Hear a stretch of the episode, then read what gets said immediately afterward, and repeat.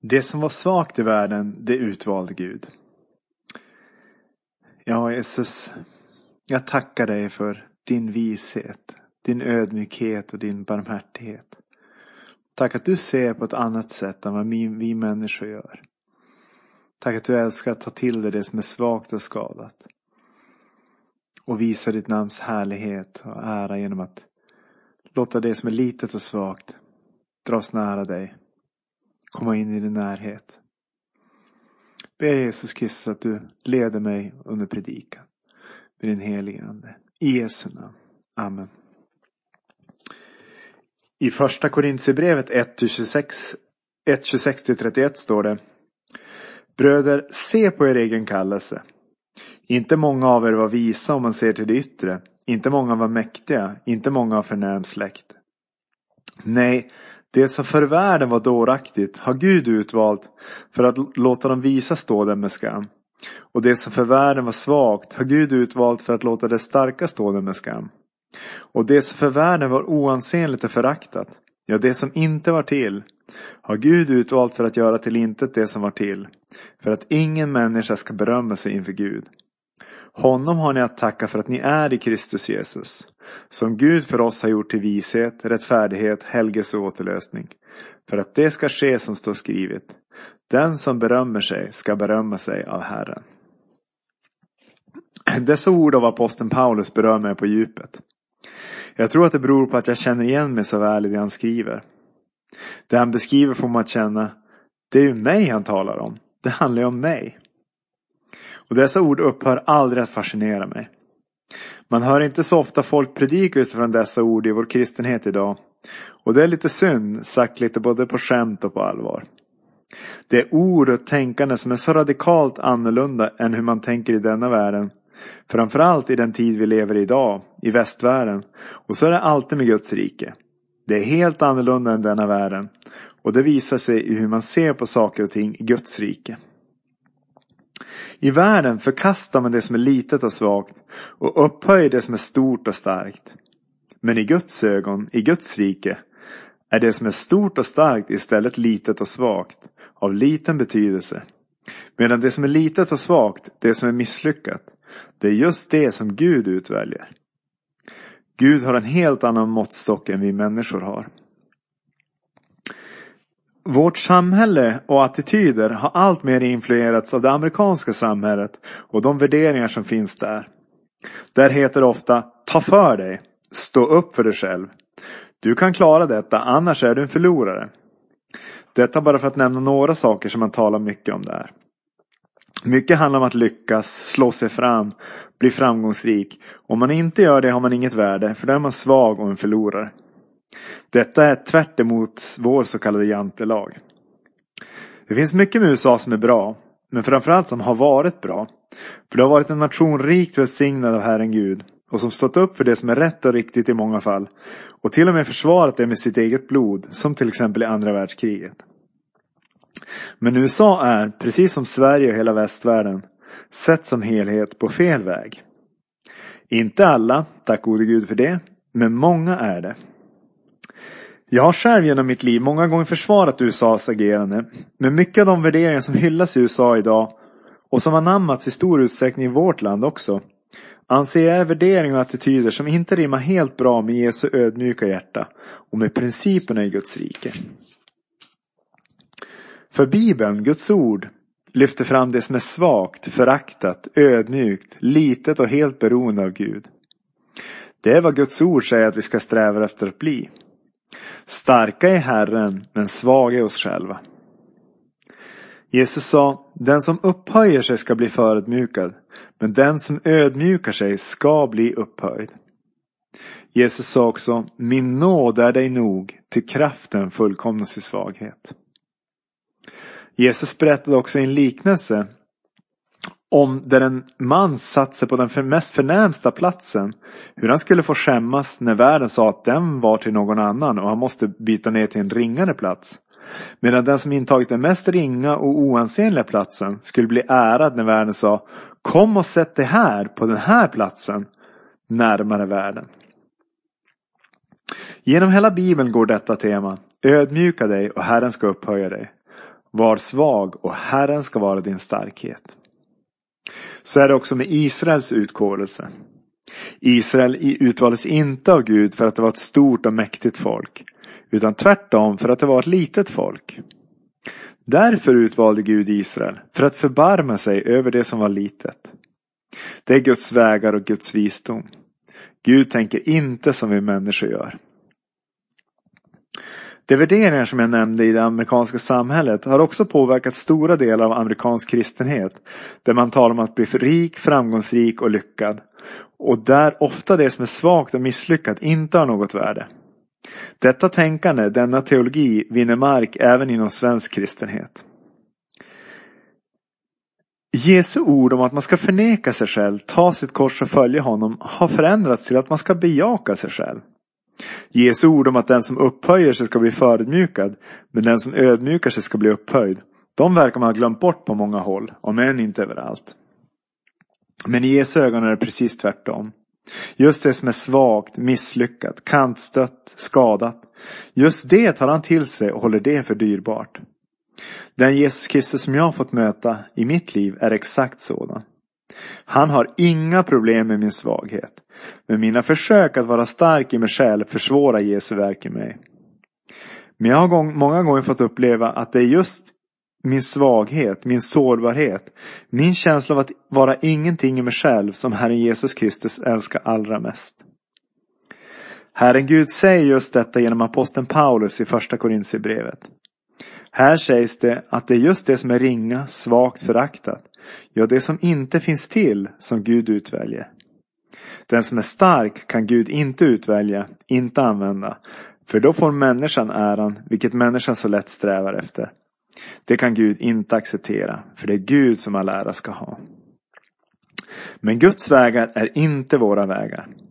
Gud ser med andra ögon än vi gör.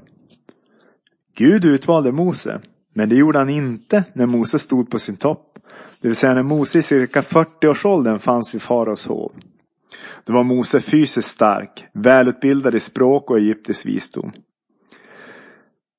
Guds kallelse var redan då över Moses, men tiden var ännu inte inne. Mose trodde, trodde nog redan då att det var något speciellt med honom. Och Mose gick i egen kraft ut för att försvara sitt folk. Och resultatet blev en död egyptier begravd i sanden och flykt hals över huvud för Mose. Så blir det när människan går i sin egen kraft och utväljer sig själv. Men efter 40 år som fåraherde i öknen hade Gud kunnat ödmjuka Mose och fått honom, att in, fått honom att inse att han ingenting var. Då uppenbarade sig Gud för honom och visade att Gud utväljer det som ingenting är, det som är svagt och oansenligt. Och det tar Gud och gör stora ting genom. När Mose vände tillbaka till farao i Egypten var det som en 80-årig gammal man utan egen kraft. Men då hade Mose istället Herrens kraft över sig. Då kom Mose med en enkel stav och ett ord från himlen. Låt mitt folk gå. Och han var till synes inget att frukta för farao. Men en kort senare var far och hans armé tillintetgjorda, begravda i havet, och Mose och Israels folk var ute i frihet på väg mot Kanans land. Sådan är skillnaden när vi går i egen kraft och när vi låter oss vara ett intet och Herren Gud vårt allt och vår starkhet. Ty kraften fullkomnas i svaghet. Den amerikanska andan går mycket ut på att pumpa upp sig själv. Man ska ha självförtroende och vara stor, stark och mäktig. Och detta har även påverkat stora delar av USAs kristenhet. Om än inte hela, som tur är. Eller kanske rättare sagt, tack gode Gud. Times Square Church utgör ett underbart undantag. Men även i svensk kristenhet möter jag detta allt oftare. Man ska pumpa och jobba upp en stor tro i sitt hjärta så att saker och ting ska hända och under kunna ske. Men det blir fel. Det är inte vad Bibeln lär om vad sann tro på Gud är. Rakt genom Bibeln ser vi ett helt annat mönster. Vi ser hur Gud använder det som är små och svaga i sig själva. För bara då får Gud all ära och bara då kan Gud verka som han själv vill. Ty kraften fullkomnas i svaghet. En stor tro innebär inte att jag byggt upp en stor och stark tro i mitt eget hjärta. Utan en stor tro kommer av att jag vandrat med och lärt känna en stor och trofast Gud. En stor tro visar sig heller inte i buller och bång, i stort vapenskrammel, utan i en tyst tillit till att det är Gud som har makten. Ett av de tydligaste exemplen på detta är Elia på berget Karmel. Basprofeterna hoppade, dansade och skrek men Elia satt bara lugnt och väntade. De trodde att deras tjoande, deras mänskliga ansträngningar skulle få Gud att handla. Medan Elias satt lugnt i tillit till att det Herren hade talat, det skulle han också utföra. När det sedan blev Elias tur att be så skrek han inte eller gjorde oväsen. Utan han bad bara lugnt och stilla till Herren och Herren svarade. Vi läser i första Konungaboken 18.36-39. Då tiden var inne att frambära matoffret trädde profeten Elia fram och sade Herre, Abrahams, Isaks och Israels Gud. Låt det bli känt idag att det är du som är Gud i Israel. Att jag är din tjänare och att det är på din befallning jag har gjort allt detta. Svara mig Herre, svara mig så att detta folk förstår att det, det, det är du Herre som är Gud och omvänd deras hjärtan. Då föll Herrens eld ner och förtärde brännoffret, veden, stenarna och jorden och torkade upp vattnet som fanns i diket. När allt folket såg detta föll de ner på sina ansikten och sa Det är Herren som är Gud. Det är Herren som är Gud. Jag måste vara ärlig och säga att jag i vår kristenhet idag ser en hel del som i mångt och mycket påminner om Balsprofeterna och ganska få som liknar Elia, även om de finns. Men främst upplevde jag detta när jag var i Afrika. Man stod och skrek FIRE i kanske en halvtimmes tid och pumpade upp känslor och atmosfär och jag kände Nej, detta är inte Guds ande. Men jag kände även Guds beskydd runt omkring mig. Guds ande verkar inte på detta sätt. Guds ande verkar inte genom suggestioner, mantran och uppiskade stämningar. Nej, Guds ande verkar när vi förkunnar Guds ord och Guds ande kommer alltid med frid, till och med när anden tillrättavisar, förkrossar eller kommer med glädje. Guds ande åtföljs alltid av frid. Vi är inne på helt fel väg när vi försöker spela på känslor och stämningar i samband med våra gudstjänster. Vilket idag helt klart förekommer och vilket verkar bli allt mer vanligt. Det är i alla fall min personliga uppfattning. Det är helt fel väg att gå. Guds ande verkar inte främst i våra känslor. Vi kan inte lita på starka känslomässiga upplevelser utan vi ska bygga och lita på Guds ord. Om vi börjar lyssna till våra känslor kan vi mycket lätt gå vilse. För på det känslomässiga planet verkar även den onde. Guds ande verkar på ett mycket djupare plan än det känslomässiga planet. Vi ska leva av tro, som det står skrivet i Romarbrevet 1.17. Den rättfärdige ska leva av tro. Och vår tro ska bygga på Guds ord och inte på våra känslor. Vi kan heller aldrig få Gud att handla genom att pumpa upp en stämning, starka känslor eller genom att föra oväsen. Så gjorde basprofeterna och det är inte rätt. Och då är det inte Abrahams Gud man åkallar. Nej, Gud handlar när vi väntar in Guds ledning, Guds ord och befallning och går i lydnad på den i tillit till att det Herren har talat och lovat, det kommer han att utföra. Och detta inte beroende på våra ansträngningar, våra rop, utan genom vår lydnad och tillit. Därför ska vi kristna inte sträva efter att bli stora och starka, utan små, ringa och beroende. Vi ska sträva efter att bli allt mindre, allt mer ringa och oansenliga i våra egna ögon. Vi ska sträva efter att bli till ett intet, för då kan Gud bli vårt allt. Vi ska sträva efter att korsfästas och dö för att sedan kunna uppstå med Kristus och säga som aposteln Paulus, nu lever inte längre jag, nu lever Kristus i mig. Då kan Kristuslivet allt mera framträda. Då kan Gud verkligen på allvar börja använda oss och göra stora ting genom oss. Som Johannes döparen sa. Han ska bli större och jag mindre. I andra Korintierbrevet 4, 7-15 står det. Men denna skatt har vi i lerkärl för att den väldiga kraften ska vara Guds och inte komma från oss. Vi är på allt sätt trängda men inte utan utväg. Rådvilla men inte rådlösa. Förföljda men inte övergivna. Nerslagna men inte utslagna. Alltid bär vi Jesu död i vår kropp för att också Jesu liv ska bli synligt i vår kropp. Till vi som lever utlämnas ständigt åt döden för Jesu skull för att också Jesu liv ska uppenbaras i vår dödliga kropp. Så verkar döden i oss och livet i er. Men då vi har samma trons ande som i bibelordet jag tror, därför talar jag, så tror också vi och därför talar vi. Ty vi vet att han som uppväckte Herren Jesus skall uppväcka oss tillsammans med Jesus och låta oss träda fram tillsammans med er. Allt sker för er skull, för att nåden genom att komma allt fler till del ska få tacksägelsen att flöda över till Guds ära.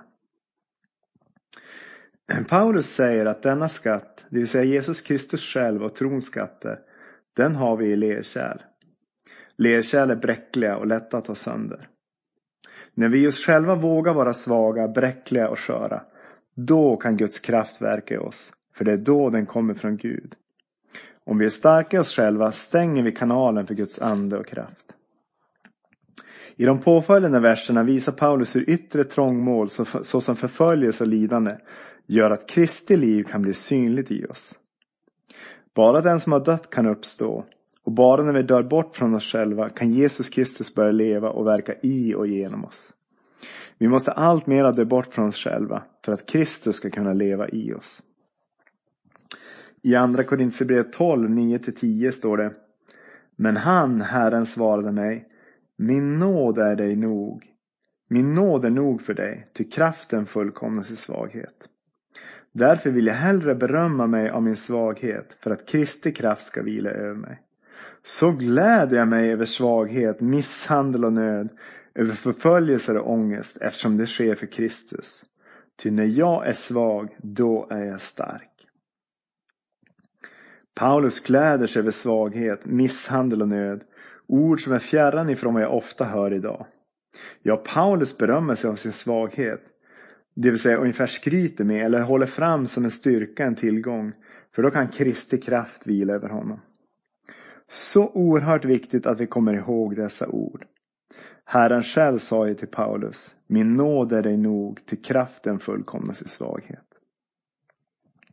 Varför utväljer då Gud det som är svagt och hjälplöst? En orsak är att då kan Gud få fritt spelrum och där mänsklig kraft och visdom tar slut, där kan Guds kraft och visdom börja verka. Och då börjar det hända saker.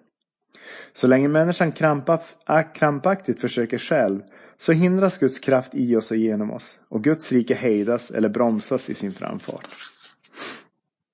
Herren Gud säger genom Paulus Min nåd är dig nog till kraften fullkomnas i svaghet. Det har jag själv fått vara med om.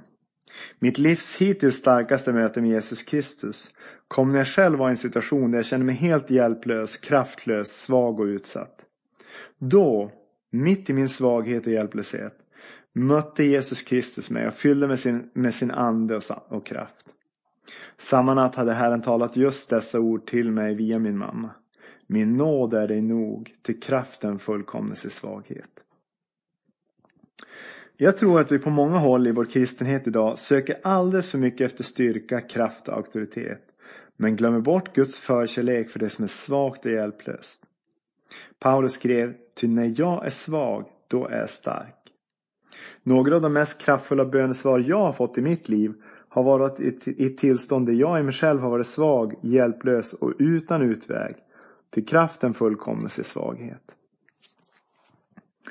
Dessutom, om vi söker främst efter de här sakerna, glömmer vi lätt bort kärnan i tron på Jesus Kristus. Jesus sa att det första och största budet var detta. Du ska älska Herren din Gud av hela ditt hjärta, av hela din själ, av hela din kraft och hela ditt förstånd. Därefter kommer detta bud. Du ska älska din nästa som dig själv. Aposteln Paulus säger också att vi ska sträva ivrigt efter kärleken.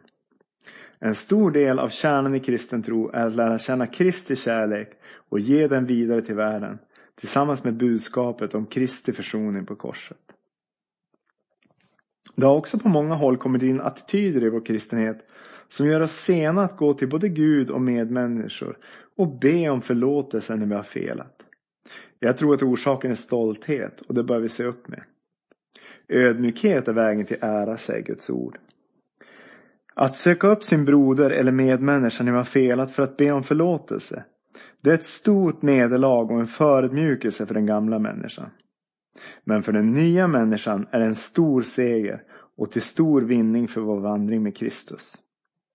Den sanna kärleken till Gud och människor är snar att förlåta och den är även snar att be andra om förlåtelse. Vi kristna har mer orsak att frukta styrka och framgång än svaghet och misslyckande.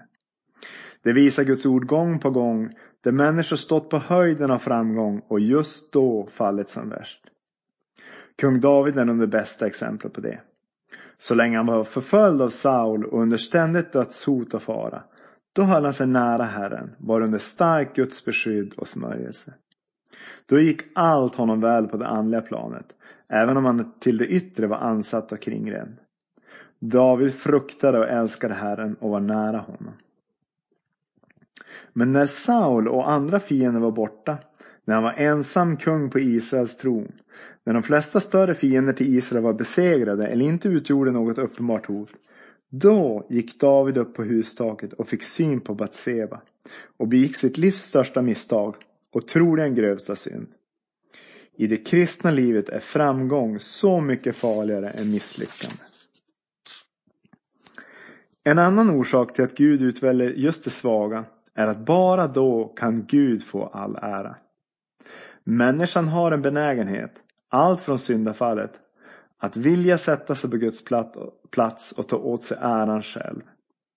Denna tendens, denna benägenhet finns i alla människors hjärtan. Både i mitt och ditt. Och helt fria från den tror jag att vi aldrig blir på denna sida evigheten.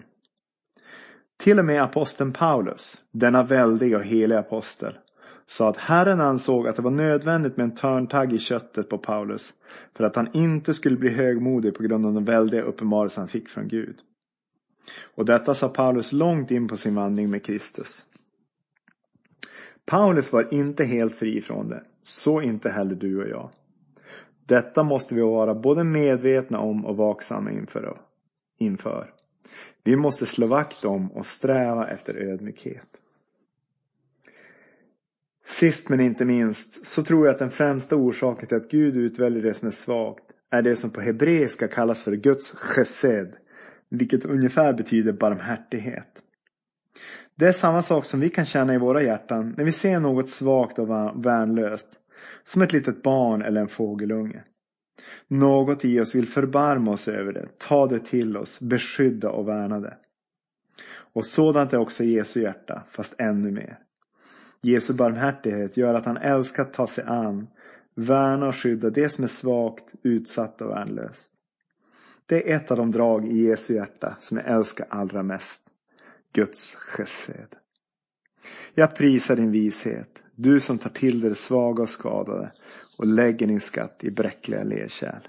Amen. Ja, Jesus Kristus. Tack att du vill undervisa oss om vikten av att vi bevarar små, beroende och svaga så att din kraft får fullkomnas. Tack Jesus att du gång på gång i Guds ord visar oss hur vi måste vara vaksamma när vi vandrar i framgång så att vi inte drabbas av högmod och går vilse. Tack Jesus Kristus att du har den kärlek till det som är litet och svagt och värnlöst. Som gör att jag och många andra får tillhöra dig. I Jesu ah, namn. Amen.